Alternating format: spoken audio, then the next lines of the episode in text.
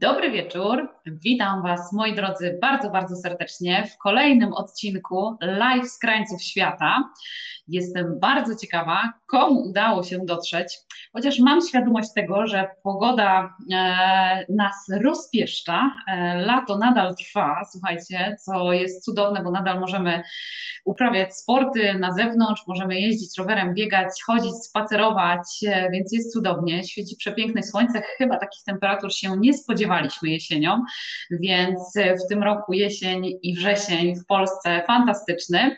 Mam nadzieję, że korzystacie z tej pogody. E, no, jedyne, co się zmieniło od lipca i sierpnia, to to, że trochę szybciej robi się ciemno. I jak wyjeżdżacie na wycieczki rowerami, to pamiętajcie, że dobrze mieć e, dobre oświetlenie.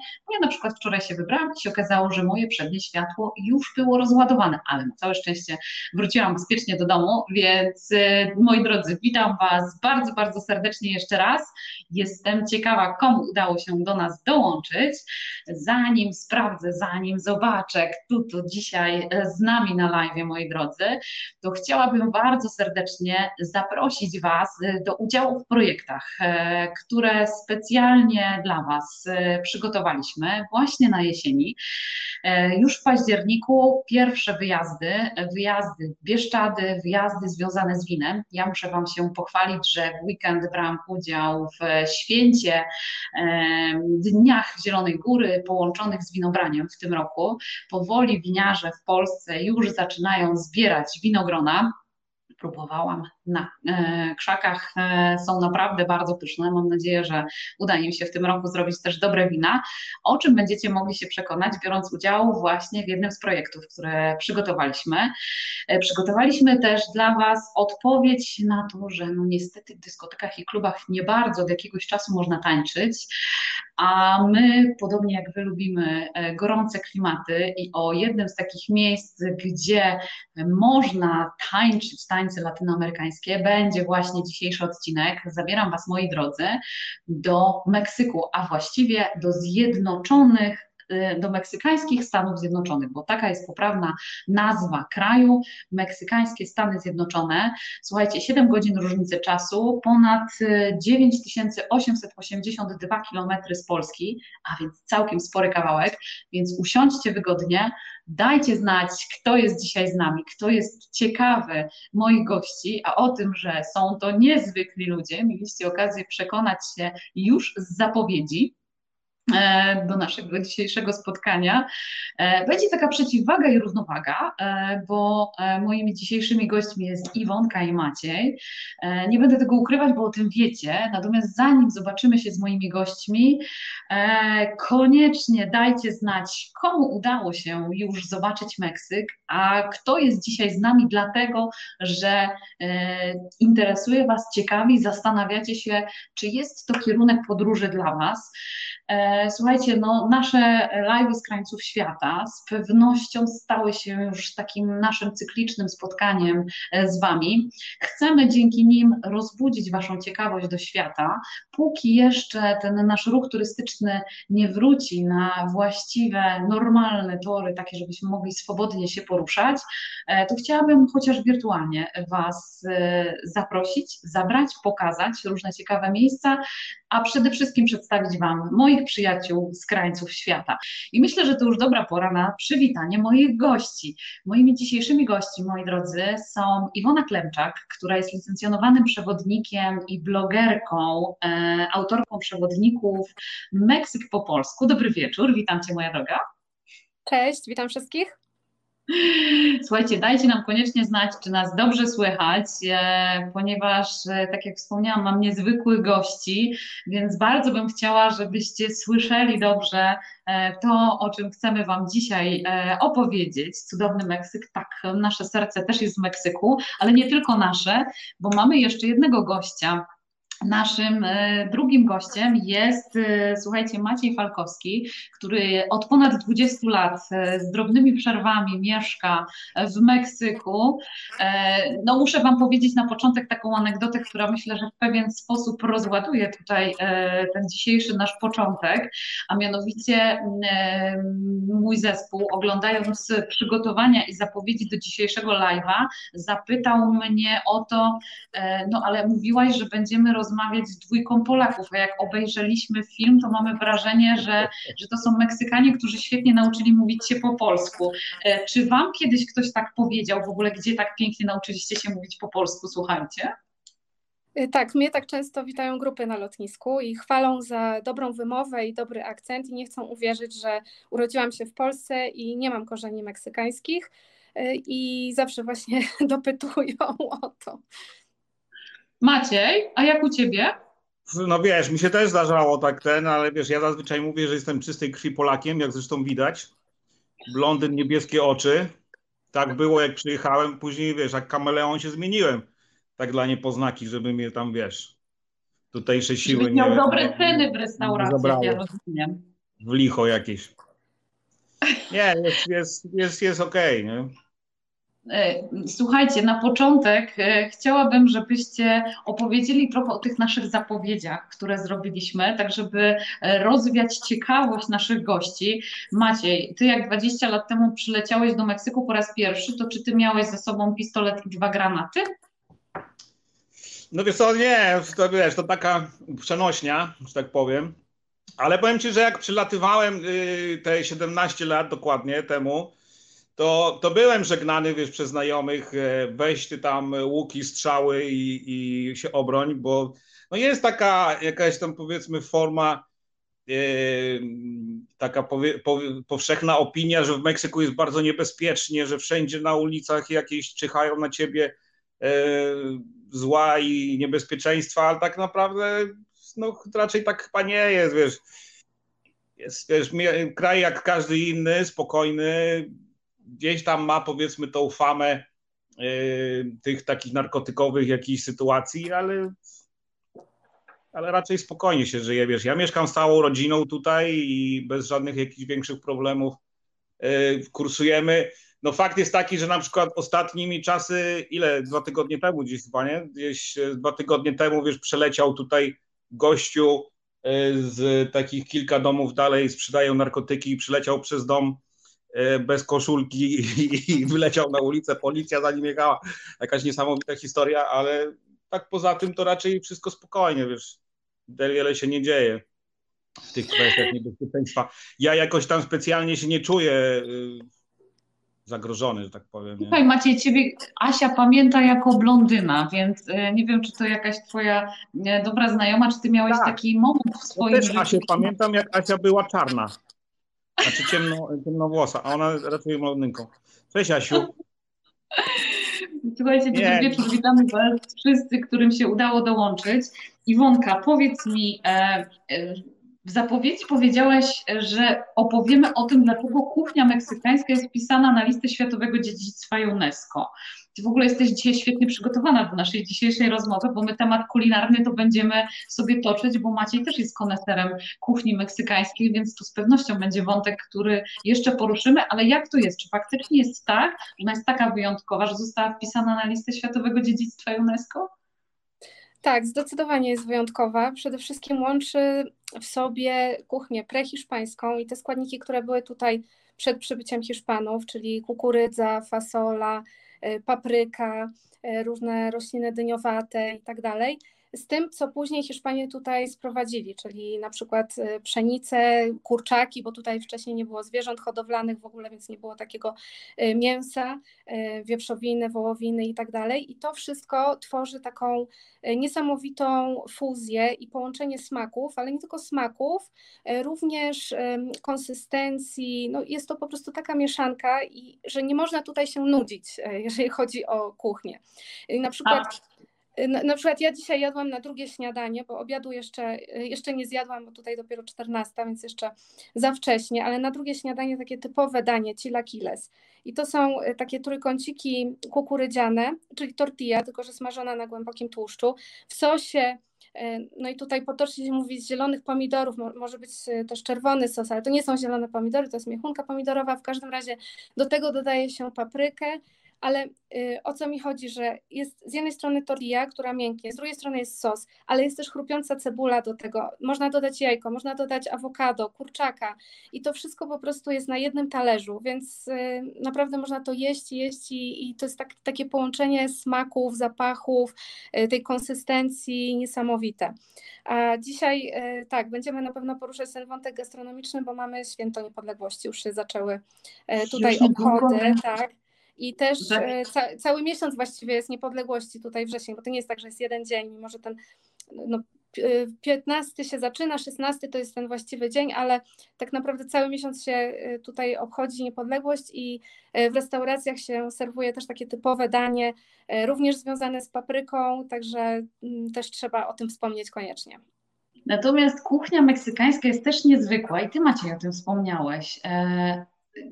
Ty wspomniałeś o molach. E, ja pamiętam, jak zwiedzaliśmy e, Meksyk wspólnie, namówiłeś mnie do zjedzenia takich rzeczy, których do dzisiaj, jak sobie myślę, to nie ma opcji, żebym spróbowała, a w Meksyku je zjadłam. Znaczy wiesz co, e, wiesz, historia kuchni meksykańskiej to jest tak naprawdę tygiel oprócz wiesz, tej części tutejszej, tak naprawdę e, wpisane w rejestr UNESCO to jest ta, ta tradycja, która była w stanie, bo tak naprawdę jest ciśnięta w UNESCO kuchnia Michoacán. Na bazie kuchni w Michoacán jakby ten e, korzeń przedkolumbijski. Dopiero później e, on się miesza razem z naleciałościami europejskimi, przede wszystkim na przykład w klasztorach, gdzie powstaje właśnie to mole w 1680 roku, tam według legendy siostra e, przygotowuje go tam sobie, wiesz, w garnku. E, i od tego momentu gdzieś te mole się pojawia, mole, mole, mole, mole, nie mole takie z szafy mole, tylko mole, wiesz, mole jako sos. Od moler hiszpańskiego lub moli w języku nałatl, tym przedkolumbijskim języku, którym rozmawiali a powiedzmy Aztekowie, który do tej pory jest gdzieś mówiony tutaj w centralnej części kraju.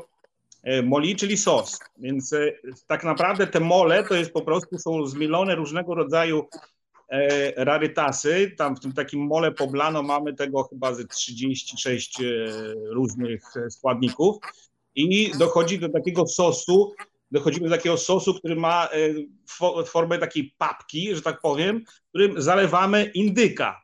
Indyka, który e, tradycyjnie był tutaj e, bardzo chętnie kiedyś spożywany, bo jest takim powiedzmy ptakiem e, domowym, tradycyjnie gdzieś tutaj hodowanym, tak samo, znaczy nawet chodzącym po dżungli, po lasach, tak samo jak w Stanach Zjednoczonych, gdzie tam wiesz, kurczaki przybyły później, a na samym początku wszyscy jedli indyka, dlatego na święto dziękczynienia zjadamy indyka, a nie kurczaka, bo to jest jakby ten ptak stąd, pochodzący z Ameryki. E, więc e, wiesz, no mole, mole jest e, tak jak nasz bigos, że tak powiem. Każdy robi najlepszy i jak robi go najlepiej, to jest po prostu tym bohaterem rodziny, wiesz, stojącym na pomniku, bo mole bardzo łatwo schrzanić, bardzo łatwo zepsuć, a kto robi dobre mole, to jest po prostu gwiazdą powiedzmy tam na jakiejś płaszczyźnie rodziny, czy nawet sąsiedztwa. Bo zrobić dobre mole to nie jest wcale tak łatwo. To sobie 36 składników, musisz po kolei wszystko mielić, musisz wszystko gdzieś tam e, dobrze przygotować, e, ugotować i otrzymujesz składniki, składniki gdzieś tam wchodzące między siebie, tworzące ten jeden, jedyny smak, który tak naprawdę się gdzieś tam obroni. Ja ci powiem, że do tego mole to ja się przekonywałem dość długo, to nie jest tak. Y, to no nie jest co tak, ty? To tak jakbyś powiedział, że bigosu nie lubisz. Niesamowite. No wiesz co, ja lubię, ja lubię mój bigos, bo mój bigos jest najlepszy na świecie, tak? Y, wiesz, nauczyłem się go robić od mojej mamy, która go robi trzy dni, ja go robię już jeden dzień, ale y, i tak wychodzi bardzo dobry. Ale powiedzmy, moje dzieci, które wychowywały się na smakach meksykańskich, po prostu nie są w stanie zjeść bigosu. Więc wiesz. No tak, to są do tego mole, każdy w 100% z wami zgadzam. Słuchaj, tak? Powiem ci tak, że jeżeli przygotowujesz mole dla turystów, to robisz tak, 50% go zje, 50% go nie zje. Więc e, stawiasz go gdzieś tam z boku i on sobie, e, powiedzmy, ten nasz kochany turysta dziubnie, spróbuje i mówi, ach, przepyszne, wiesz, przepyszne. Co to za poezja świat? Będę robił w domu. A, wiesz, a drugi mówi, panie kochany, większego nie, to ja w życiu nie jadłem, bo po prostu, wiesz, tego się nie da jeść. No i tak po prostu jest. To no jest taka... tak, ale właśnie dlatego, słuchajcie, podróżujemy po świecie, bo ja cały czas mówię o tym, że to możliwość poznania zupełnie innej kultury, kuchni i tak naprawdę trochę języka. Natomiast to, co jest ciekawe, e, zaprosiłam Was, dlatego że Wy też mieszkacie w zupełnie różnych miejscach w Meksyku. Iwonka mieszka w interiorze, mieszka w najbardziej, najgęściej chyba zaludnionym mieście na świecie, jednym z największych. Maciej z kolei mieszka na Yucatanie. Żeby było śmiesznie, słuchajcie, oni całkiem niedawno się zamienili w ogóle miejscami. No tak, Więc... całkiem niedawno. No parę lat temu, parę lat temu, tak. No to całkiem niedawno, no. Ja was proszę. Iwonka, powiedz w takim razie, gdzie ty mieszkasz i co ty masz pięknego na szyi dzisiaj? Tak, ja wcześniej mieszkałam w Playa del Carmen, tam gdzie Maciek mieszka niedaleko. Niedaleko? Tak, niedaleko. E, kilka... Parę tych kilometrów? E, no. Nie, nie, 15. 15 kilometrów, tak? 30. No. E, ja tam mieszkałam przez kilka lat, e, mogłoby się wydawać w raju, e, bo na Karaibach, przy plaży, na przepięk, przepięknym Półwyspie Jukatańskim i podjęłam decyzję, że się przeprowadzam do miasta Meksyk, tak jak powiedziałaś, jednego z największych na świecie, ponieważ tutaj mieszka no, w samym mieście 9 milionów, ale razem z obrzeżami to jest 23 miliony, ale szacuje się, że tak naprawdę z tymi ludźmi, co tu przyjeżdżają, odwiedzają i tak dalej, to może być nawet i 30 milionów dziennie.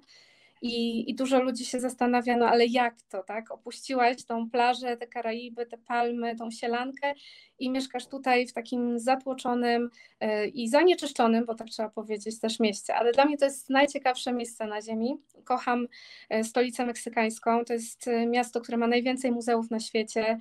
To jest miasto, w którym też nie można się nudzić, zawsze jest coś do zrobienia, zawsze można tutaj gdzieś iść na wystawę, do teatru, do kina, jest mnóstwo ciekawych ludzi, także ja się tutaj dobrze czuję i, i lepiej się czuję też w tym klimacie, ponieważ na Yucatanie jest gorąco, jest teraz bardzo wilgotno, bo ja właśnie wróciłam e, z Yucatanu, więc e, jest wilgotność prawie 100% i nie wiem, jakoś wydawało mi się, że jestem stworzona do takiego gorącej plaży, ale tutaj w mieście Meksyk, gdzie mamy tak 20 stopni, wieczorem nawet mniej, to jest dla mnie taka temperatura e, idealna. A co mam na szyi? Na szyi mam, że pokażę tak bliżej, to jest pewnie już niektórzy co śledzą mojego, mojego bloga czy mój profil, kojarzą mnie z tymi wszystkimi wyrobami wyczolskimi. Wyczolskimi, czyli takiej grupy rdzennej, viraritari, oni się nazywają w swoim języku. Oni zamieszkują pół, środkowo-północny Meksyk i tworzą właśnie takie piękne wyroby z koralików. To jest zrobione z plastikowych, malutkich koralików, które nazywają się chakira. Kiedyś oni robili to z nasion, ale e, później właśnie spodobały mi się to koraliki, które są znaczy takie plastikowe, szklane, robione w y, Czechach. Także one są importowane tutaj z Czech, a później e, z takich malutkich kawałeczków właśnie powstają takie e, cuda. I w ich społeczności e, jest takie przekonanie, że kto nie tworzy, to znaczy, że ma chorą duszę, bo każdy powinien się jakoś wyrażać poprzez sztukę i tam każda rodzina właśnie tworzy takie cudeńka i każde z nich jest inne. Także ja po prostu uwielbiam, jestem fanką tego i, i właśnie tutaj chętnie noszę też no. ich promuję. Piękne. Macieju, a ty z kolei jak to się stało, że ty z miasta Meksyk, gdzie oczywiście mieliśmy okazję e, się spotkać, e, gdzie nas oprowadzałeś, nagle wylądowałeś na Yucatanie. Jak to się stało? No wiesz co, generalnie wiesz, miasto Meksyk fajne jest, e, dużo różnych e, ma ciekawostek, powiedzmy tych dobrych i tych e, mniej dobrych, ale powiem Ci, że zanieczyszczenie jest straszne. To nie wiem, czy Wy macie coś takiego, jak przylatujecie do miasta Meksyk z Polski. Ja jak przyjeżdżam stąd z, Kara z Karaibów na jakąś, do jakiejś pracy w mieście Meksyk, no to jest trzy dni po prostu masz wszystko, jest zawalone, te, czy te, te zanieczyszczenie jest po prostu okrutne. Ja, ja nie jestem w stanie tam, podziwiam tych wszystkich ludzi, którzy mieszkają, bo to jest jak mieszkać w, na Śląsku, 1985 pod kominem jakimś, wiesz, huty i, i, i kopalni razem wzięte. Jest po prostu strasznie. Albo jak palić e... dwie paczki papierosów dziennie, to mniej więcej tak wygląda. Albo na przykład tak, tak ale pokoju wieczorem. Dość ciekawy wątek, bo z jednej strony to jest bardzo ciekawe miasto. E, to jest miasto, którego każda dzielnica jest jak gdyby osobnym miastem, niezwykłym z, ze swoimi zabytkami, z przepiękną architekturą e, postkolonialną, z, z cudowną oczywiście kuchnią. Jak rozmawialiśmy o tym, na ile jest bezpieczne, na ile niebezpiecznie jest w Meksyku, no to w samym Mexico City są takie dzielnice, do których raczej po zmroku turyści nie powinni się wybierać i spacerować, ale nawet to w dzień. Nawet w dzień. Dlatego potrzebujemy, no tak, słuchajcie, dobrego przewodnika, który wie, gdzie możemy iść, a gdzie nie powinniśmy się ruszać. Więc to jest jeden e, z takich momentów, Oj, w których oni chcemy wiedzą, wam... oni wiedzą. Tak, oni wiedzą, gdzie się zapuścić wieczorem, e, żeby było dobrze. Więc e, słuchajcie, to co jest bardzo ważne, to wybierając się do Meksyku, warto zaplanować sobie e, wyjazd i warto się do niego przygotować. I teraz e, słuchajcie, no specjalistami jesteście najlepszymi i właściwym adresem i osobami, które można zapytać o to, jak się przygotować i jak gdyby czego można się spodziewać w Meksyku. Proponuję, żebyśmy zrobili taką troszeczkę podróż po Meksyku, co wy na to, jakbyście mi tak oboje troszeczkę opowiedzieli, trochę o interiorze, trochę o Karaibach. Mam ten, mam ten mój lizak, który się umówiliśmy, że będziemy Świetnie, sobie pokazywać. bo my się, słuchajcie, umówiliśmy, że jak będziemy mówić, a jest nastroje, to będziemy podnosić lizaka, więc jak będziemy tak. mówić wszyscy naraz, to są trzy lizaki w górze. Zróbmy, zróbmy próbę mikrofonu, wszyscy do góry. Słuchajcie, e, chciałem powiedzieć, że każdy ma takiego lizaka, jakiego sobie zasłużył, Ania. E, ale wiesz. E, Słuchaj, mój lizak jest wykonany przez mojego kochanego synka, jest po prostu symbolem live'ów, które kręcimy od kwietnia, więc jest fantastyczny. Cokolwiek chcesz I, powiedzieć. O, powiem ci, że ja mam też lizaczka zrobionego przez moją córkę. E, nie ma mi? To Gaja zrobiła, nie? Nie? A nie, sorry, tego nie zrobiła Gaja. Myślałem, że to Gaja zrobiła. Ale słuchaj, nie, bo myślałem, że Gaja zrobiła. Ale wiecie co, chciałem powiedzieć jedną rzecz, do tego, co wcześniej powiedziałaś. E, z tym miastem Meksyk. Miast, miasto Meksyk e, jest takim tyglem kulturowym, ogromnym. E, przyjechali ludzie od lat tam powiedzmy 60., 70., 80., zjechali się w jedną dolinę i powstał po prostu ogromny tygiel kulturowy. Tak samo jak wiesz, przyjeżdżałem tutaj na samym początku, ja się wymieniłem z pewnym Meksykaninem, on pojechał do Europy, ja przyjechałem tutaj i on mi przed wyjazdem powiedział coś takiego, jedziesz do kraju, w którym każdy stan jest innym krajem. I ja na samym początku myślałem, a taka tam historia, powiedzmy. Ale w którymś momencie, gdy przyjechałem, zacząłem poznawać, odkrywać ten cały kraj niesamowity. E, rzeczywiście tak jest. Wjeżdżasz do innego kraju, ludzie nawet wyglądają inaczej. E, to, że mówią w swoich językach, tych języków jest ponad 60. E, to jest jakby druga sprawa. Kuchnia się zmienia. Kuchnia się zmienia co 300 km, 200 km, 100 km. Jest niesamowite. E, więc e, ci wszyscy ludzie nagle zjeżdżają się do miasta Meksyk e, w ostatnich dziesięcioleciach, powiedzmy tam, nie wiem, ostatnich 50 latach, 60 latach i powstaje taka, taki niesamowity zlepek kulturowy, który, no może tak jak właśnie Iwona mówi, ma tą swoją atrakcyjność, ale z drugiej strony właśnie ta też ilość tych ludzi powoduje, że jest to po prostu taki Słuchajcie, garnek. A którego... całego kraju, no bo ile jest mieszkańców w Meksyku versus ile mieszka w Mexico City, tak żebyśmy byli w stanie to odnieść, bo na ostatnim live na przykład Zalacki to okazuje się, że no, trzy czwarte ludzi tu mieszka w ogóle w jednym mieście. Jak to jest w Meksyku? Tak, no wiesz, no, w, w Alasce... Nie podniosłeś, nie podniosłeś. Pierwszy. Pierwszy ja blok. Nie wiesz, e, w przypadku Alaski to jest kwestia, ile tam mieszka niedźwiedzi polarnych, a, a nie wiesz, ile ludzi, bo tam wiesz, wszyscy mieszkają w jednym miejscu ale e, no tutaj jest 100, e, ile, ile tam się umawialiśmy? E, ile ma 130, 20, no 130, tam jest 120. No, między 125 a 130 milionów.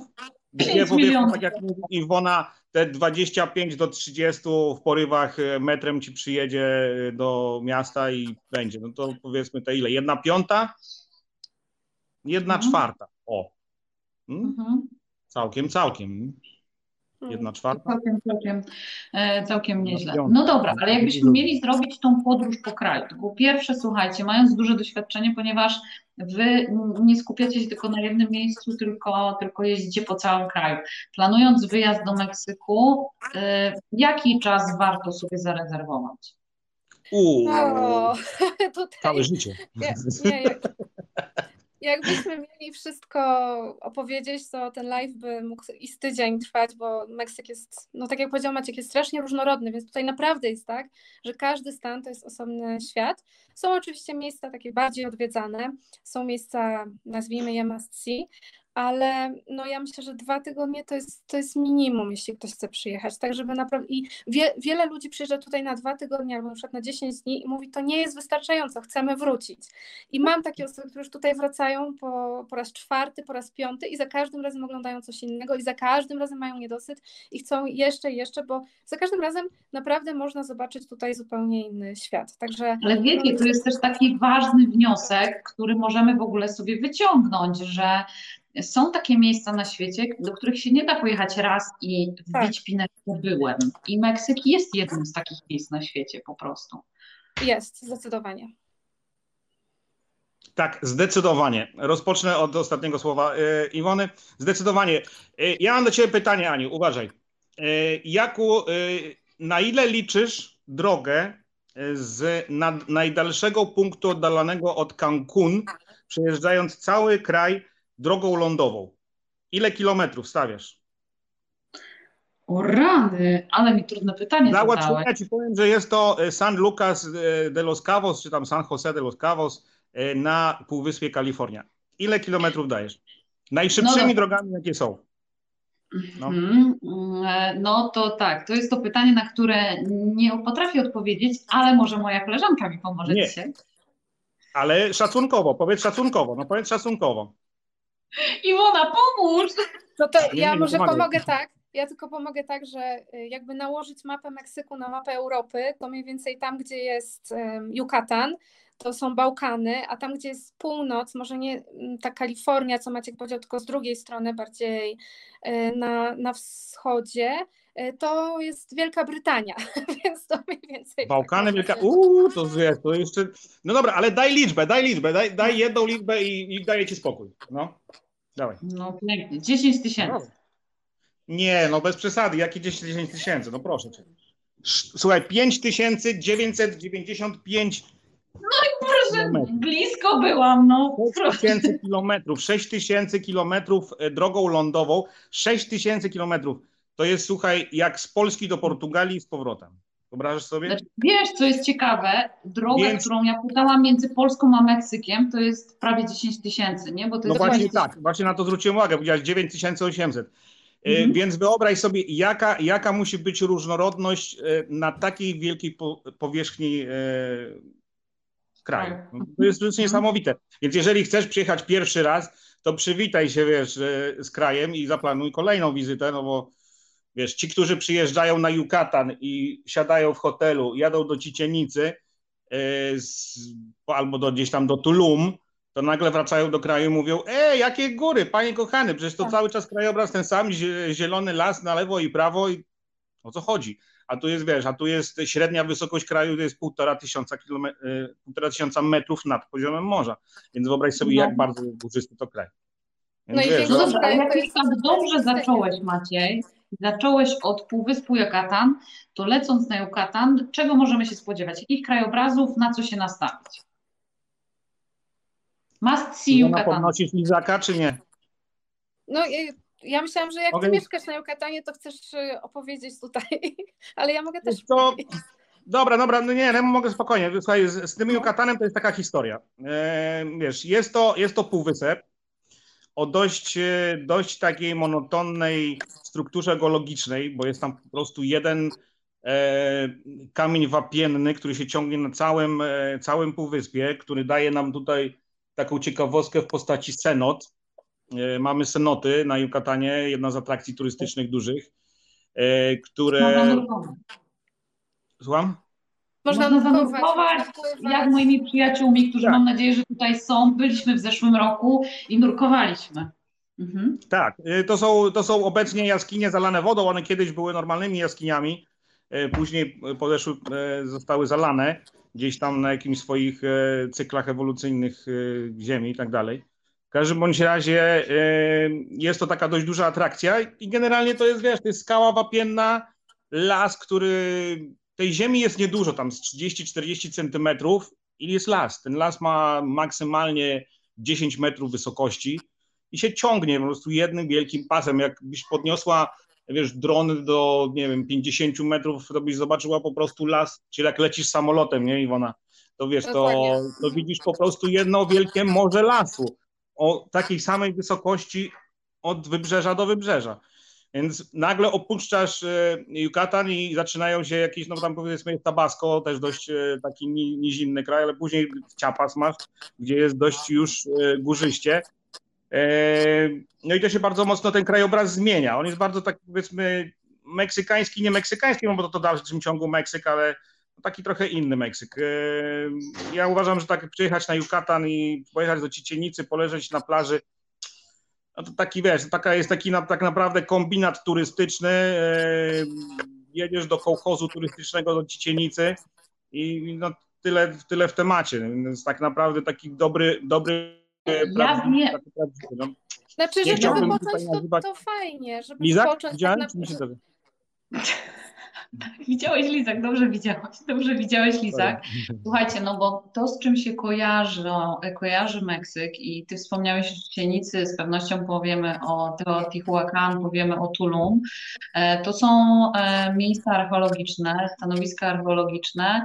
E, w, słuchajcie, no, no właśnie po to też między innymi ludzie jadą do Meksyku, czyli, czyli w sumie po co? Co to są za miejsca, Macie? Bo tak wspomniałeś, powiedziałeś, że to są kołchozy turystyczne. Okej, okay, to są jedne z największych atrakcji po, po które większość ludzi jak gdyby na Yucatan się udaje, przynajmniej tych, którzy szukają czegoś historycznego, to prawda.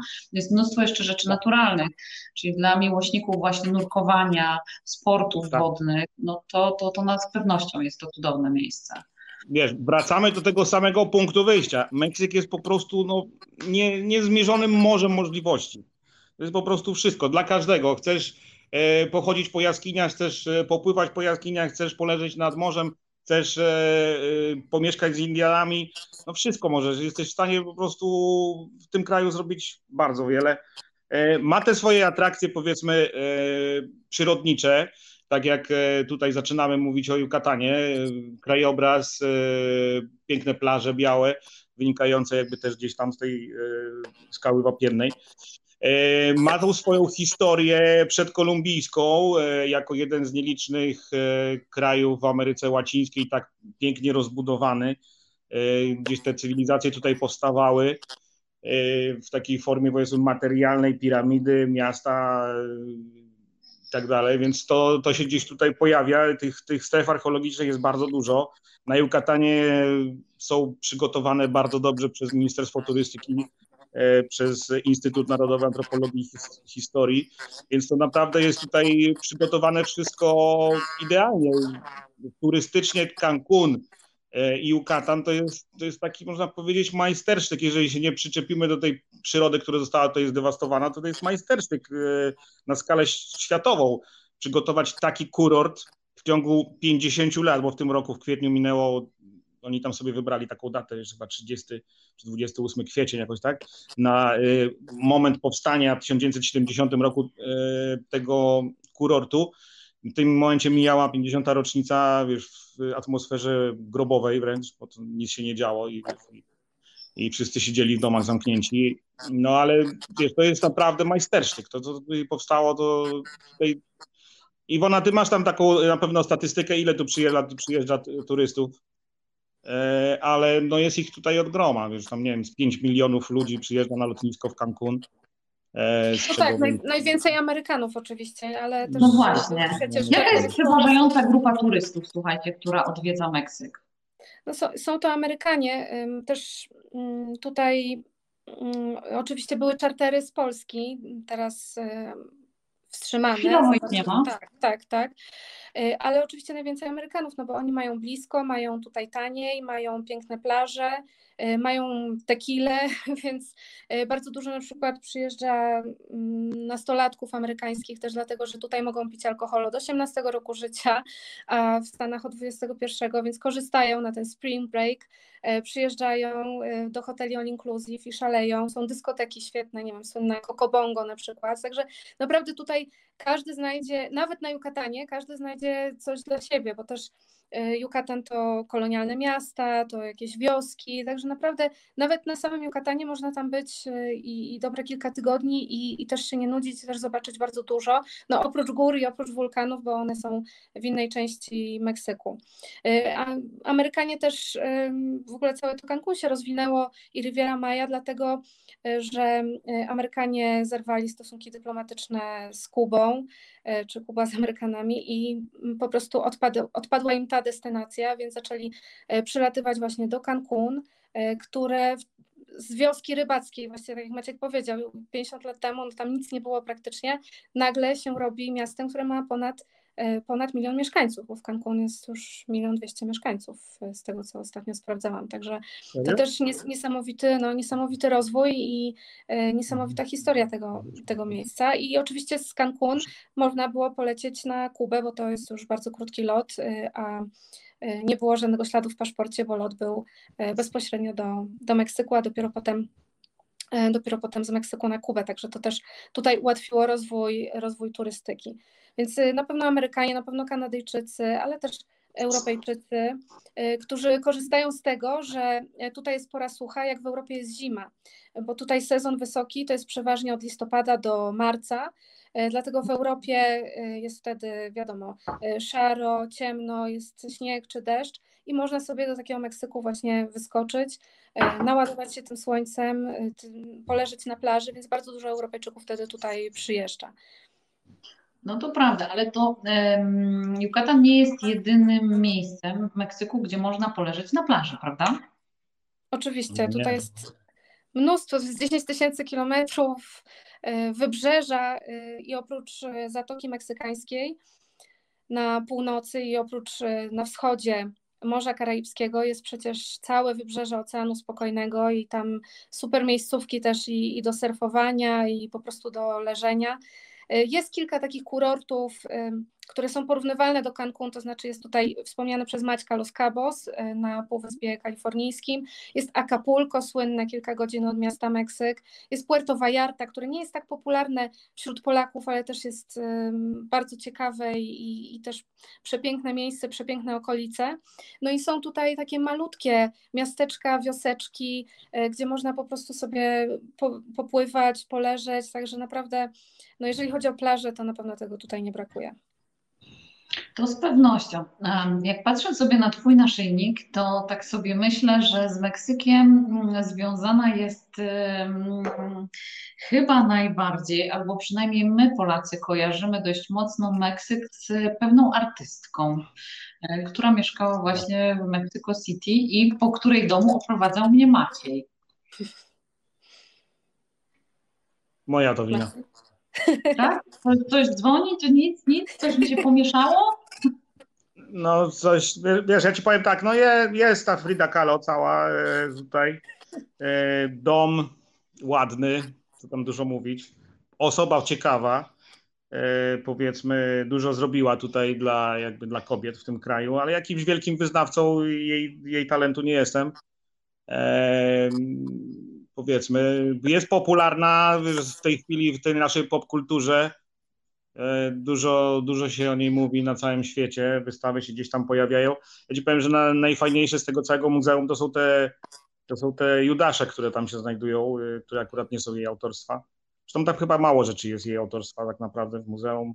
Jest e, po prostu przekazane takie trochę jej życie. Jest to jakaś tam osoba dość znana. Ja rozumiem, że ty się dużo bardziej identyfikujesz z Diego Riverą w takim razie. I powiem ci, że wiesz co, że nawet mi mówią, że wygląda na niego podobnie, aczkolwiek ja się tutaj bronię no. e, ręcami i no, nogamcami, e, ale powiedzmy gdzieś tam jest, no wie, no jest to taki, taki powiedzmy jakiś pęd na, na historię tej całej Fridy Kahlo. No jest, jest tam powiedzmy, no nie wiem, e, widziałaś jakieś jej malarstwo? Wiesz co widziałam, natomiast dla mnie sama jej osobowość i jak gdyby sposób, w jaki jest przedstawiana ta jej sztuka e, jest ciekawy. No na pewno była kobietą wizjonerem, to trzeba sobie powiedzieć. Jaką kobietą? A wizjonerem. Wizjonerem, jak gdyby poka- odważyła się pokazywać pewne rzeczy inaczej niż wszyscy inni. To, to musimy sobie jasno powiedzieć. Mm, e, no, jak gdyby cała jej historia jest w ogóle trudna w tym wszystkim.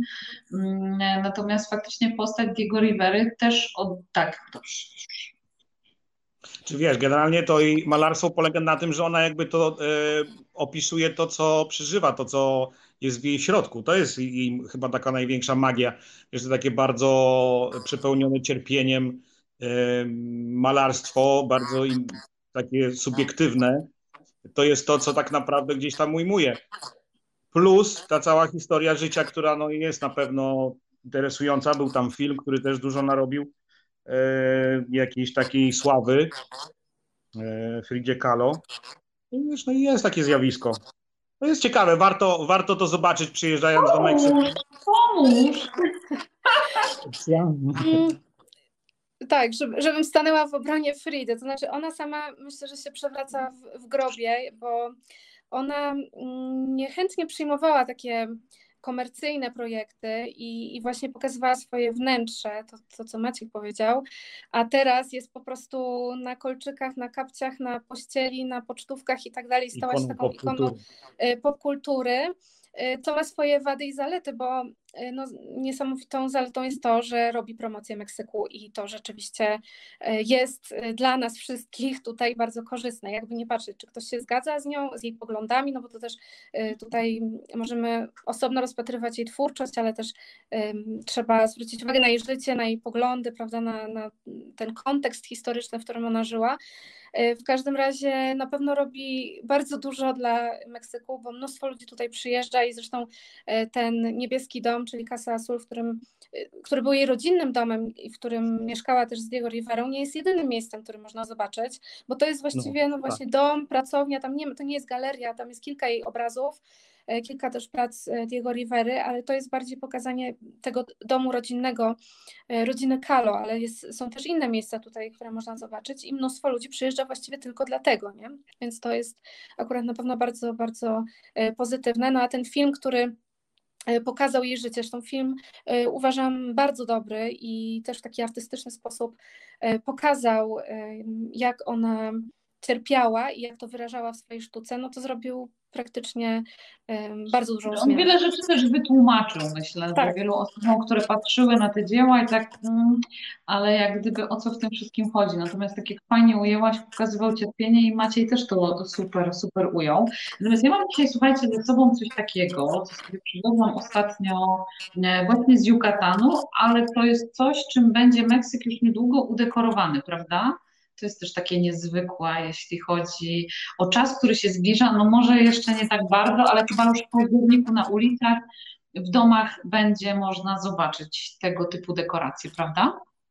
Będzie można zobaczyć. No w tym roku e, też pewnie będzie się odbywać to troszeczkę inaczej, bo święto zmarłych, o którym mówimy, jest e, tutaj jednym z najważniejszych świąt i tak jak mówisz, jest od października już stoją tutaj na ulicach albo w centrach miast e, tak zwane ofrendas, czyli takie ołtarze poświęcone no, w domach e, jakiejś osobie bliskiej z rodziny, która odeszła, ale na ulicach czy e, w centrach miast może być na przykład osoba związana z danym miastem, która była słynna i pochodziła właśnie z tych okolic i no, zmienia się całkowicie sceneria całego Meksyku. Także to jest takie święto, to nie jest tak jak w Polsce, że idzie się na przykład tylko 1 listopada na groby, jest to jakiś gest, tylko tutaj to święto trwa kilka tygodni. To jest tak jak z tym świętem niepodległości, które mm, jest jeden dzień, ale tak naprawdę trwa cały miesiąc. Cały miesiąc można zobaczyć, że witryny sklepowe są e, przybrane w kolorach flagi, że je się to właśnie chiles en nogada, czyli to danie e, takie typowe, że ludzie już się ubierają w kolory flagi, także to, to jest cały miesiąc. Tak samo Święto Zmarłych, to jest no już dwa tygodnie wcześniej się zaczyna, pierwszy i drugi listopada to jest ta kulminacja, ale właściwie ten przełom października i listopada to jest takie naprawdę bardzo wzruszające, niektórzy mówią radosne, mm, bo jest kolorowe, jest takie zupełnie inne, inna atmosfera niż na przykład my w Polsce obchodzimy, ale ono jest tak naprawdę bardzo, bardzo e, wzruszające i, i ciekawe, ciekawe święto. Ja tutaj uwielbiam. No zobaczymy, jak będzie w tym roku, bo z tego, co zapowiadają, na przykład słynna parada, która pojawiła się pierwszy raz w filmie Jamesa Bonda i która Jamesa potem Bonda. została odtworzona, tak, ma być wirtualnie w tym roku, więc zobaczymy. Wirtualnie? to- Wow. Wirtualnie tak zapowiedzieli, no. Tak No, samo jak powiem że to jest-.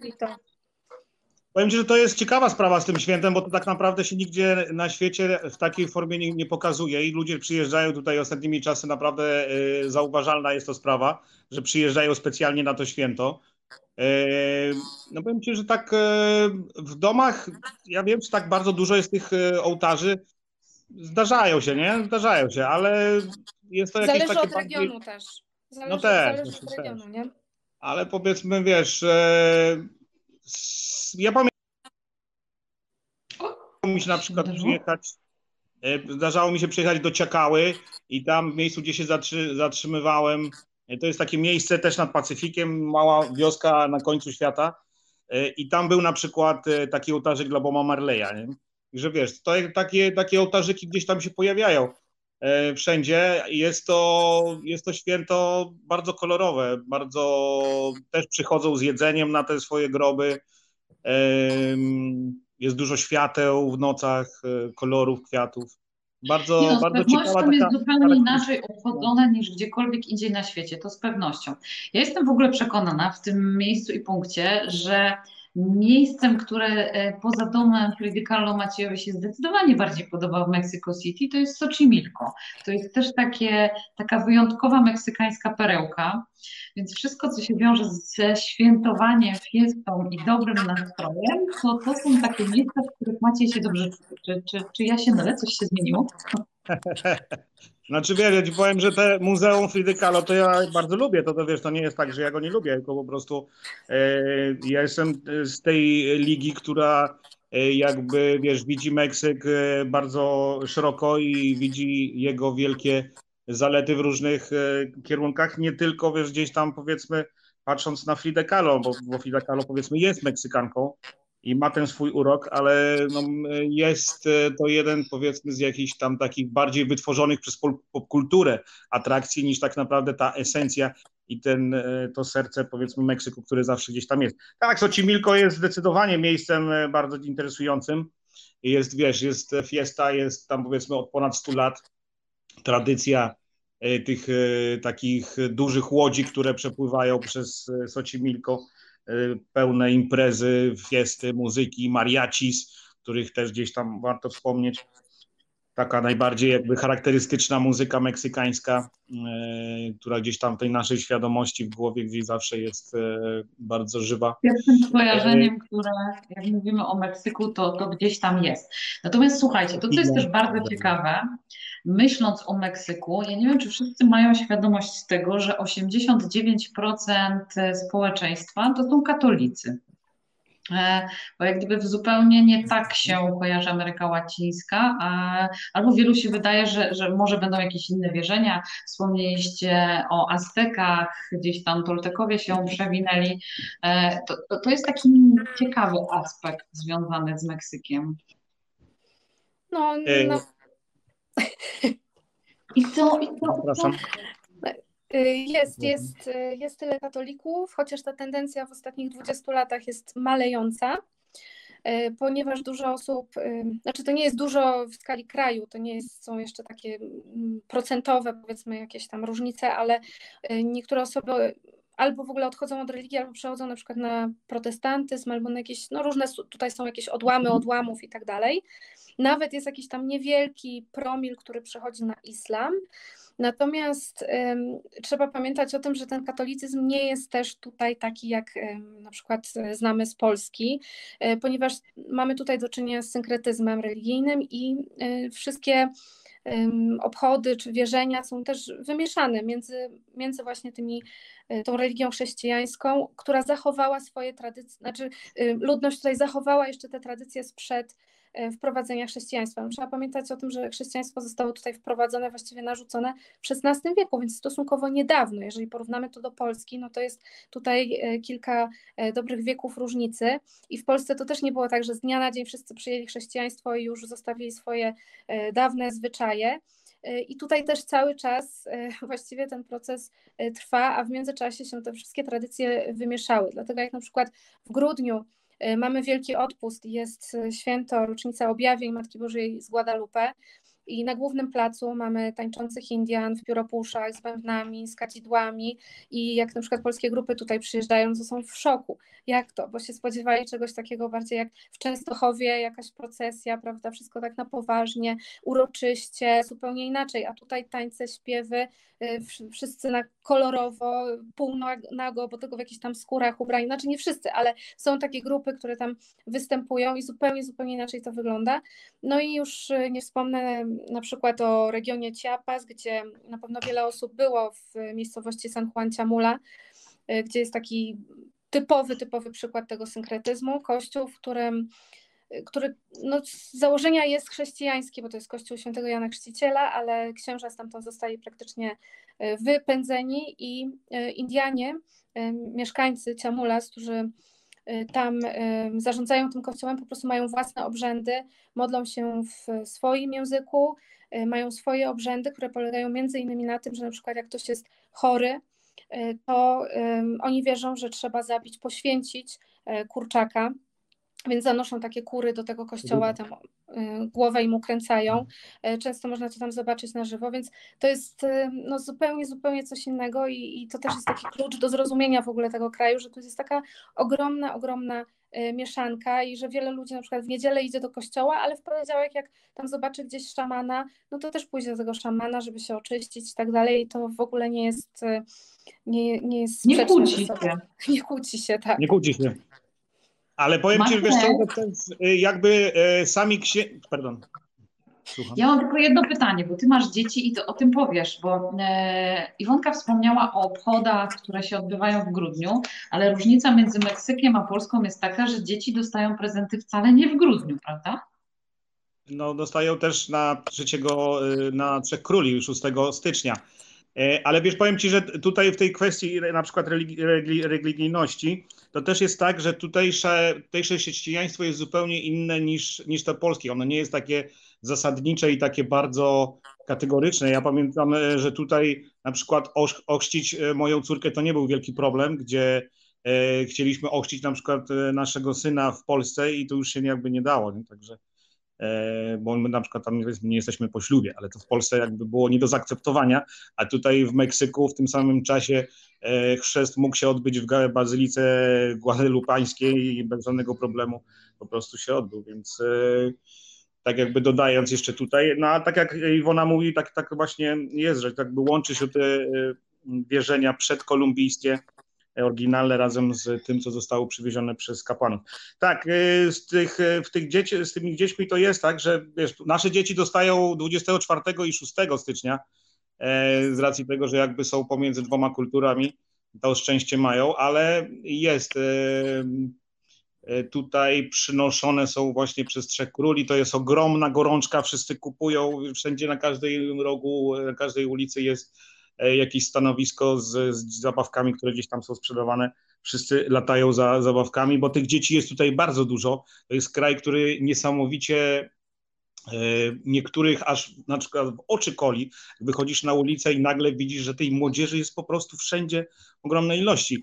To 68%, 65, e, nie, bodajże chyba 64% mieszkańców miasta Meksyk jest poniżej 25 roku życia. Jak wychodzisz na ulicę, to, to pierwsze, nie wiem, czy ty, będąc w Meksyku kilka razy, zwróciłaś na to uwagę, że to nie jest społeczeństwo, jak czasami w Europie jesteś gdzieś na, na jakimś wyjeździe, widzisz, że jest bardzo dużo dorosłych ludzi, starszych ludzi, tu jest bardzo dużo młodych ludzi to praktycznie wszędzie naokoło widzisz po prostu młodzież, Ale wiesz, dzieci. co Maciej uderzyło a propos miasta Meksyk? E, Owszem, zgadzam się z tym, że jest Mhm. sporo młodych ludzi i to widoczne jest na ulicy, natomiast w samym mieście Meksyk, na przykład na ulicach e, nie było widać w ogóle dzieci bawiących się, jakichś takich samobiegających. To jest też takie, mm, e, ale to jest kwestia tego, że jednak miasto Meksyk e, jest zupełnie inne, inny jest Yucatan i, i inne są oczywiście małe wsie.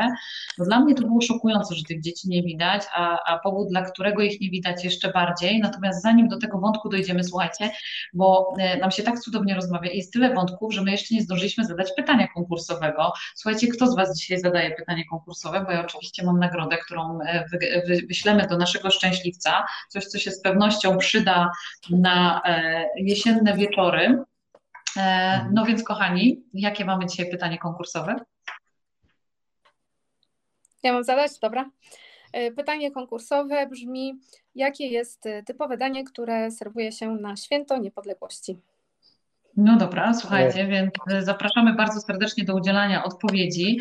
My tu już zaraz kontynuujemy dalej wątek związany z Meksykiem i z tym, w jakim języku w ogóle, ale tak, Mam takie pytanie, bo tych potraw jest kilka, więc e, jedno, jedna powiedzmy z tych no ty trzech. nie bierzesz udziału w konkursie. Maciej. Znaczy nie, nie, nie, ja nie, ja nie będę brał oczywiście, tylko wiesz, e, odpowiedzi jest kilka, więc e, proszę Tak, e, śmiało się nie jest, stresować. odpowiedzi jest kilka. No tutaj akurat mi chodziło o to danie, które już było wspomniane i które z racji tego, że składniki są też takie sezonowe, to właściwie można, można zdobyć tylko pod koniec sierpnia i teraz we wrześniu. Ale no, do, zobaczymy, jakie będą odpowiedzi i No będziemy to jest bardzo ciekawe. rozstrzygniemy. No więc e, widzicie, e, nie tylko na moim live i na naszym spotkaniu, e, w Meksyku panuje, słuchajcie, duże poruszenie, więc to widać i w mieście, i, i w ogóle, więc w naszej rozmowie też tak jest, bo postanowiliśmy stworzyć taki klimat, jakiego możecie się spodziewać, ale nie wspomnieliśmy jeszcze o słynnej tequili, no bo e, ludzie jadąc w dane miejsce mają pewne oczekiwania i, i są one takie różne i jednym z tych oczekiwań jest to, że wypiją tequilę i że ona jest taka niesamowita. No jest jeden sposób ciekawy na picie tequili, ale jak to z nią jest? Czy ona jest faktycznie zupełnie inna w Meksyku i e, czy jest przereklamowana? Jak to jest z tą tequilą? Ty Iwona pijesz tequilę? Ja wolę meskal akurat, ale No właśnie, no właśnie tak e, tutaj chciałem właśnie do tego e, jakby e, popić, tak jak to się mówi po polsku. E, Tak naprawdę, wiesz co, ja ci powiem, że ja nie pamiętam kiedy, kiedy tutaj w Meksyku piłem tequilę. Tak naprawdę my właściwie to pijemy tylko mezcal, który Ale- jest, e, który jest czystszy i chyba lepszy, powiedzmy. no lepszy, tak, ja wolę meskal, ale to jest kwestia gustu, no nie wiem, czy to można oceniać, ale na przykład lubię tequilę w formie właśnie a propos Święta Niepodległości, w formie bandery, banderity, czyli w Mm. trzech kieliszkach i jeden to jest y, Ja. sok z limonki, drugie to jest tequila i trzeci to jest y, sok pomidorowy, pomidorowy. z takimi Mhm. przyprawami, może być pikantny i mamy zielony, biały i czerwony, czyli tak jak kolory flagi, bandera, czyli flaga. I akurat tak tequila mi bardzo, bardzo smakuje. Także No to jest, jest też taka sprawa, że wiesz, zazwyczaj, e, zazwyczaj tutaj i my tak właściwie też mówimy i takie jest e, powszechne jakieś przekonanie, że w Meksyku się pije z limonką i z solą. E, Tak naprawdę, e, jeżeli już pijemy czasami od wielkiego dzwonu, bo wiesz, generalnie to nie pijemy, ale jeżeli już pijemy, to e, zazwyczaj pijemy po prostu małymi e, łyczkami. E, Ja szczerze mówiąc, jakieś tam limony, soli nie, Nie? zdarza mi Znaczy, się. Ja Nie, tequili nie. nie piję małymi łyczkami, nie. ale- A ja właśnie piję małymi, wiesz? Bo ja ba bardzo się rozkoszuję tym smakiem. Znaczy, jeżeli Ale mówimy o mezcal mezcalu, bo tak, tequila, bo to się, tu jest takie, jest takie powiedzenie, że tequilę się całuje. Więc tequilę się pije i mezcal się pije takimi małymi łyczkami. W Polsce zazwyczaj gdzieś tam się pojawia się ten e, moment tequili w jakimś barze o 24, kiedy już towarzystwo leci gdzieś przez tworzach, to teraz tequila. I, I gdzieś tam się to pojawia, ale i zazwyczaj jest to shot, pum. Ale no, jeżeli masz do tutaj tequilę, która jest leżakowana, nie wiem, 5 lat, 10 lat, no to, To już też po prawda, prostu wstyd aż coś takiego dokonać, bo to bo to jest trunek szlachetny wręcz można powiedzieć, tak samo w przypadku meskala. E, meskal, meskal, różnica między tequilą a meskalem. E, tequila jest to napój, który jest robiony w okolicach stanu Jalisco i w samym stanie Jalisco i tam jest jakby mm, ta nazwa używana. I jest to trunek, który jest robiony przy bardziej przemysłowo, w fabrykach, w wielkich kadziach. Z kolei i sama szyszka jest poddana działaniu pary wodnej, a nie e, jak to jest w przypadku meskala, e, jest położone na gorące kamienie, które zmiękczają e, szyszkę, szyszkę, czyli tą podstawą agawy, bo agawa, gdy jest w ziemi, po części znajduje się pod ziemią, po części nad ziemią i przez te kilka lat, mm, przez te kilka lat, e, około 5, 6, 7 lat, w zależności od gatunku, tam są zbierane soki, bo to jest po prostu sukulent, który żyje w takim środowisku suchym, e, półpustynnym, pustynnym, więc e, akumuluje wilgoć i w tym momencie, gdy wrzucasz to na gorące kamienie, czy do, tego, do tej komnaty, gdzie jest to zmiękczane parą wodną, w tym momencie zaczynają te cukry gdzieś tam pracować i po fermentacji, dość krótkiej fermentacji kilkudniowej, następnie destylujesz i masz trunek. W przypadku meskala jest to taki e, posmak troszeczkę bardziej przypalony, bo kładziesz na rozgrzane kamienie i następnie przykrywasz ziemią. W przypadku tequili jest bardziej delikatny, e, jest bardziej też znany, bo jest bardziej dostępny w sklepach. E, w przypadku meskala raczej kupimy go w rejonie Oaxaki lub w innych E, miejscach, e, które mają powiedzmy szerszą gamę asortymentu tego alkoholowego i, nie jest nie jest tylko tequila. E, zazwyczaj w na takiej półce masz około 10-20 gatunków tequili i dwa gatunki meskalu, więc to jest taki produkt, który można powiedzieć jest w dalszym ciągu produktem rzemieślniczym. Mhm. W tej chwili, jeżeli znajdziecie to w sklepach w mieście Meksyk, czy gdzieś tutaj w Cancun, no jest to trunek, który osiąga horrendalne ceny, no ale fakt jest też taki, że ta szyszka, sama agawa, ona rośnie dość długo i jest jej coraz mniej, cena idzie i ja pamiętam, że zazwyczaj się zatrzymywaliśmy gdzieś tam pomiędzy Oaxaca a Tehuantepec w takiej małej wiosce Camaron i 15 lat temu butelka litrowa mezcalu kosztowała 40 pesos. W tej chwili pani, gdzieś tam przyjeżdżałem kilka miesięcy temu, mówił chopie 60, 300 pesos i nie ma innej możliwości, bo po prostu jest tak mało szyszki, ta szyszka jest tak droga, że po prostu takie ceny są w tej chwili, nawet gdzieś tam, wiesz, w małych wioskach na samym końcu świata. Także. A powiedzcie, dla nas Europejczyków Meksyk jest drogi? E, ja bym powiedziała, że ceny są porównywalne do polskich, e, ale wiele osób myśli, że tu jest dużo taniej. To znaczy, e, na przykład, jak idziemy gdzieś tam do restauracji, no to też oczywiście tutaj jest różnica między jakąś wioską a miastem Meksyk i zwłaszcza dobrą dzielnicą w mieście Meksyk, żeby pójść do restauracji. No ale powiedzmy, że tutaj taki obiad, no to trzeba szykować, nie wiem, 200 pesos spokojnie, czyli mniej więcej 40 zł. W restauracji, tak jak mówię, w jakiejś lepszej dzielnicy, albo i więcej. Więc dużo osób wyobraża sobie, że tu jest bardzo tanio. Nie jest bardzo tanio, nie jest to też kraj bardzo drogi. No tak ja zawsze, to porównuję, że na przykład jak się tutaj idzie do supermarketu, to mniej więcej ten koszyk zakupów jest podobny do polskiego. Wiadomo, że są pewne produkty lokalne, które tutaj będą o wiele tańsze, a w Polsce są importowane, więc będą kosztowały o wiele więcej i na odwrót. Są tutaj pewne produkty trudno dostępne i one po prostu y, zaskakują Polaków, że akurat są tak, tak drogie. Mówię tutaj o podróżowaniu, bo też oczywiście mieszkania to jest osobny temat i to też dużo zależy od regionu i tak dalej, ale ogólnie no tak, ja bym powiedziała, że porównywalne do, do, do Polski. Nie wiem jak. Tak, jest porównywalne, ale nie wiem, czy zauważyłaś Iwona, ale w ostatnim czasie bardzo e, złotówka podskoczyła. Tak, w tej chwili kosztuje prawie 6 pesos, a jeszcze kilka miesięcy temu było 4,50, więc tak. właściwie można powiedzieć, że w przeliczeniu jakby na peso złotówka jest tańszy ostatnimi czasy. E, w każdym razie gdzieś tam powiedzmy jest to wszystko bardzo podobne.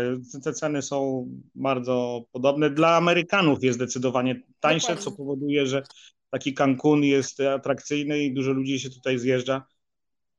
Powiem, dla Polaków też raczej nie jest to kraj bardzo drogi. Nie. Właściwie.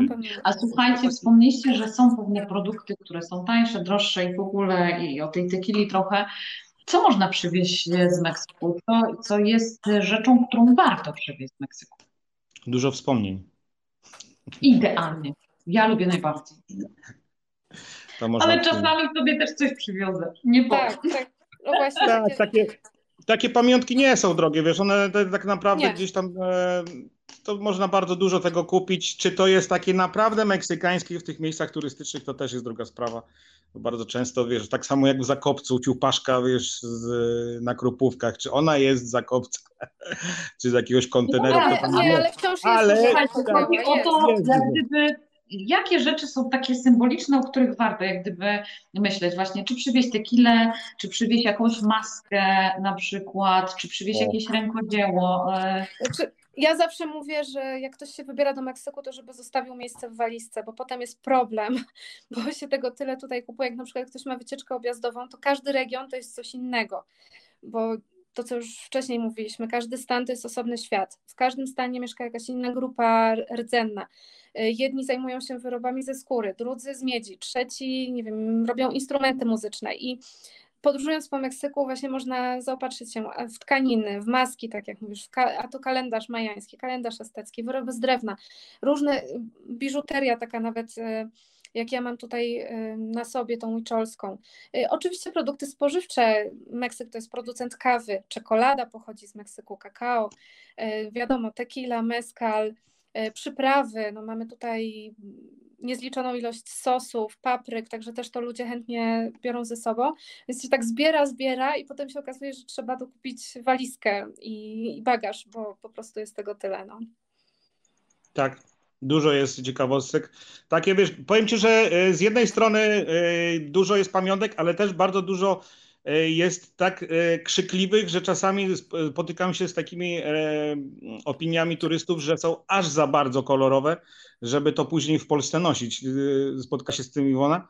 Tak, tak, czasami oczywiście, bo inaczej to wygląda tutaj. Na, tak, dokładnie. Na plaży sobie założymy coś, nie wiem, albo jakieś sombrero, albo e, jakąś chustę, a potem w Polsce, gdzie raczej dominują kolory stonowane, nie. Ale ja i tak myślę, że mm, na przykład dużo jest takich rzeczy, które można potem w mieszkaniu e, gdzieś tam wkomponować, no tak, niekoniecznie na sobie nosić, nie? jakieś obrusy, właśnie tkaniny. Ja szczerze mówiąc, ja naprawdę mieszkam tutaj prawie 10 lat i ja za każdym razem, jak jestem gdzieś z turystami, albo za każdym razem, jak podróżuję, to ja jeszcze coś kupuję, więc nie mam dosyć. Także naprawdę jest tutaj niesamowite bogactwo tego i e, zawsze mówię, żeby mieć to miejsce w walizce, bo potem jest problem. Także tutaj zakupy zrobisz zawsze. Tak.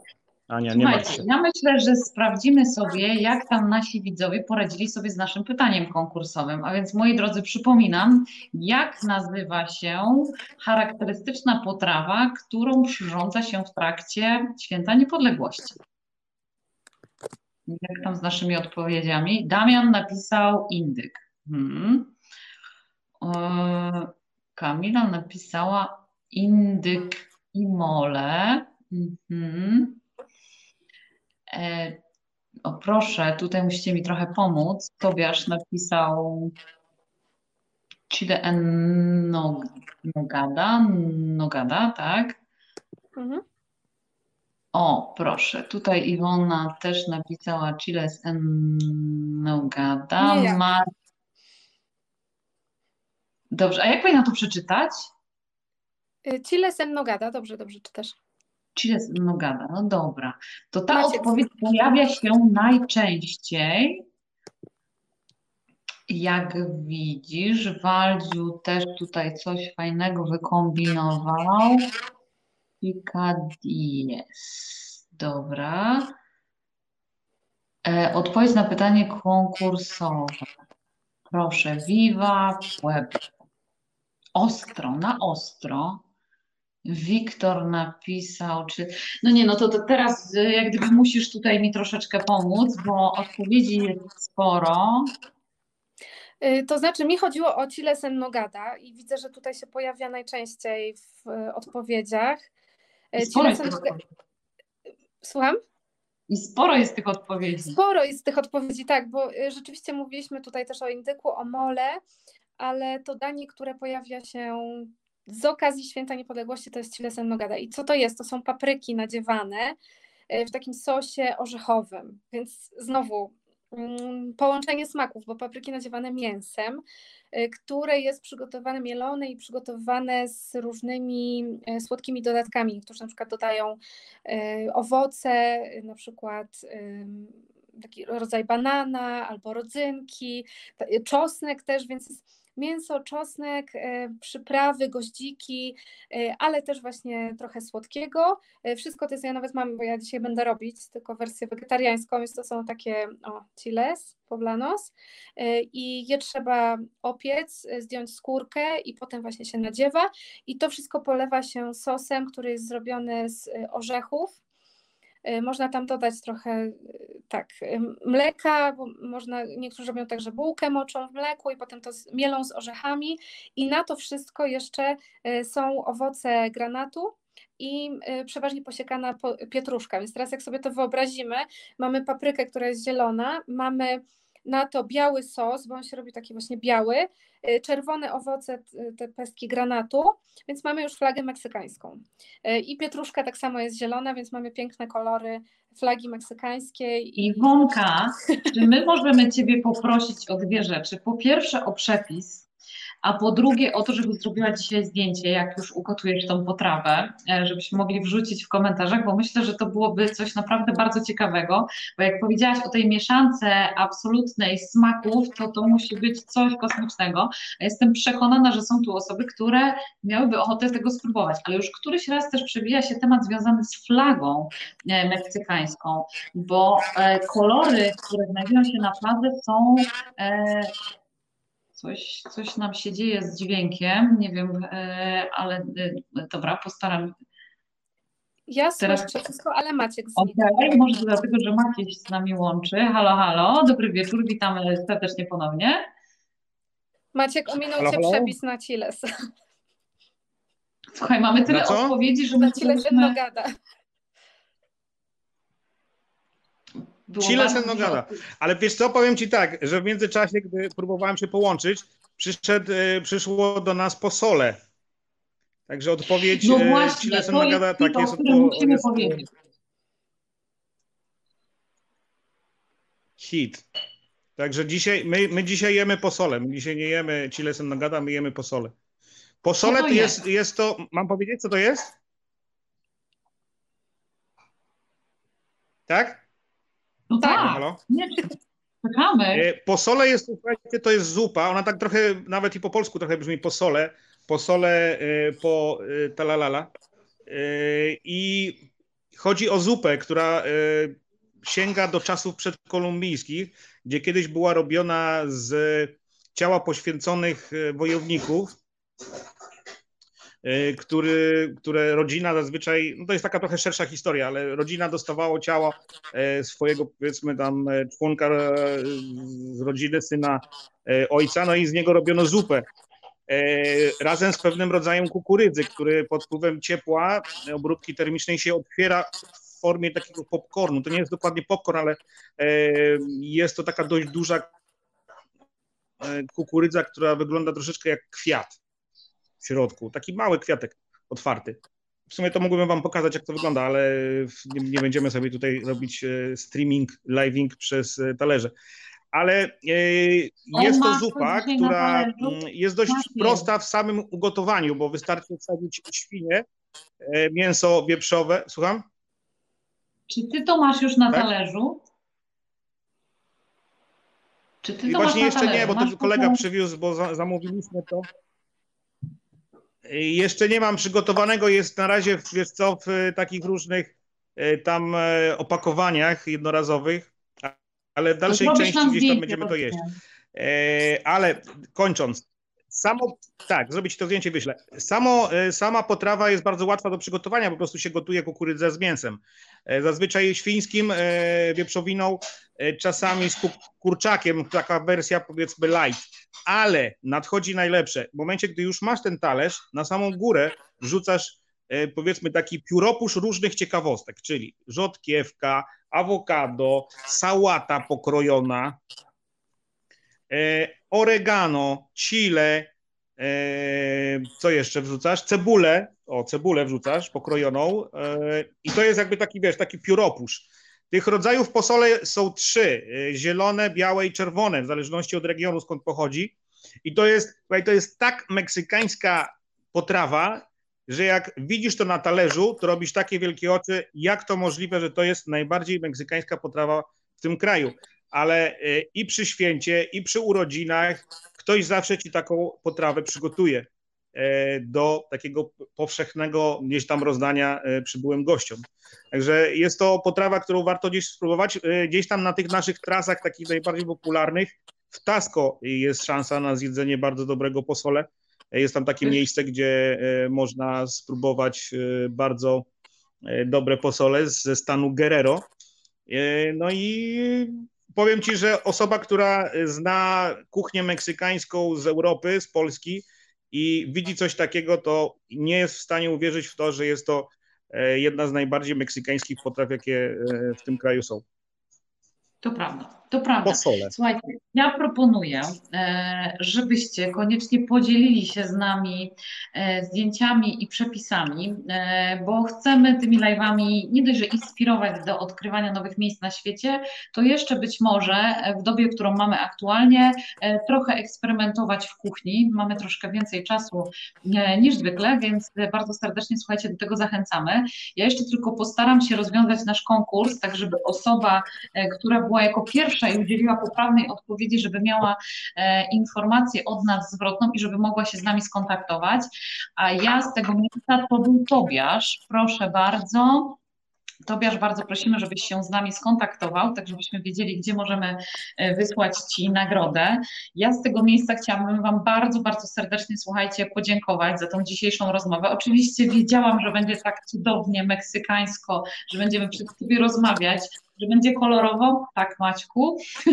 Ani, Ania, przepraszam Cię bardzo, ale jest ten moment, bo e, Magda tutaj się postarała i, i przygotowała to posole, więc e, znaczy przygotowała. No to koniecznie. Pozdrawiamy Madzia. Jest, jest. Czekaj, bo my nie, jest. nie widzimy. Jest. Musisz do Widzisz? samego talerza wjechać z kamerą, słuchaj, żebyśmy zobaczyli. Widzisz coś? No coś widzimy, tak pół na pół, jeszcze musisz bardziej stylować. Dwa talerze. Dwa tak. talerze widzimy, tak. Widzimy dwa tak. talerze. Czyli ty to teraz będziesz mieszał, po, tak? W jednym jest, e, słuchaj, kukurydza. No wiesz co, chciałbym zamieszać, ale nie, nie wiem jak to. Czekaj, mogę? Jest. Widzisz? Patrz, tutaj masz, tak wygląda kukurydza, o, proszę bardzo. A tak wygląda mięso i to jest mięso wieprzowe. A do tego masz taki tutaj wynalazek, proszę bardzo gdzie masz limonę, sałatę, rzodkiewkę, cebulę, oregano i chili. Wow. Słuchaj. No wygląda smacznie. A tak. czy to jest bardzo ostre? Znaczy wiesz co, jedzenie meksykańskie ma to do siebie, że jest tak ostre jak ty chcesz, bo zazwyczaj to nie jest tak, że to jedzenie jest e, pikantne z natury, zazwyczaj powiedzmy.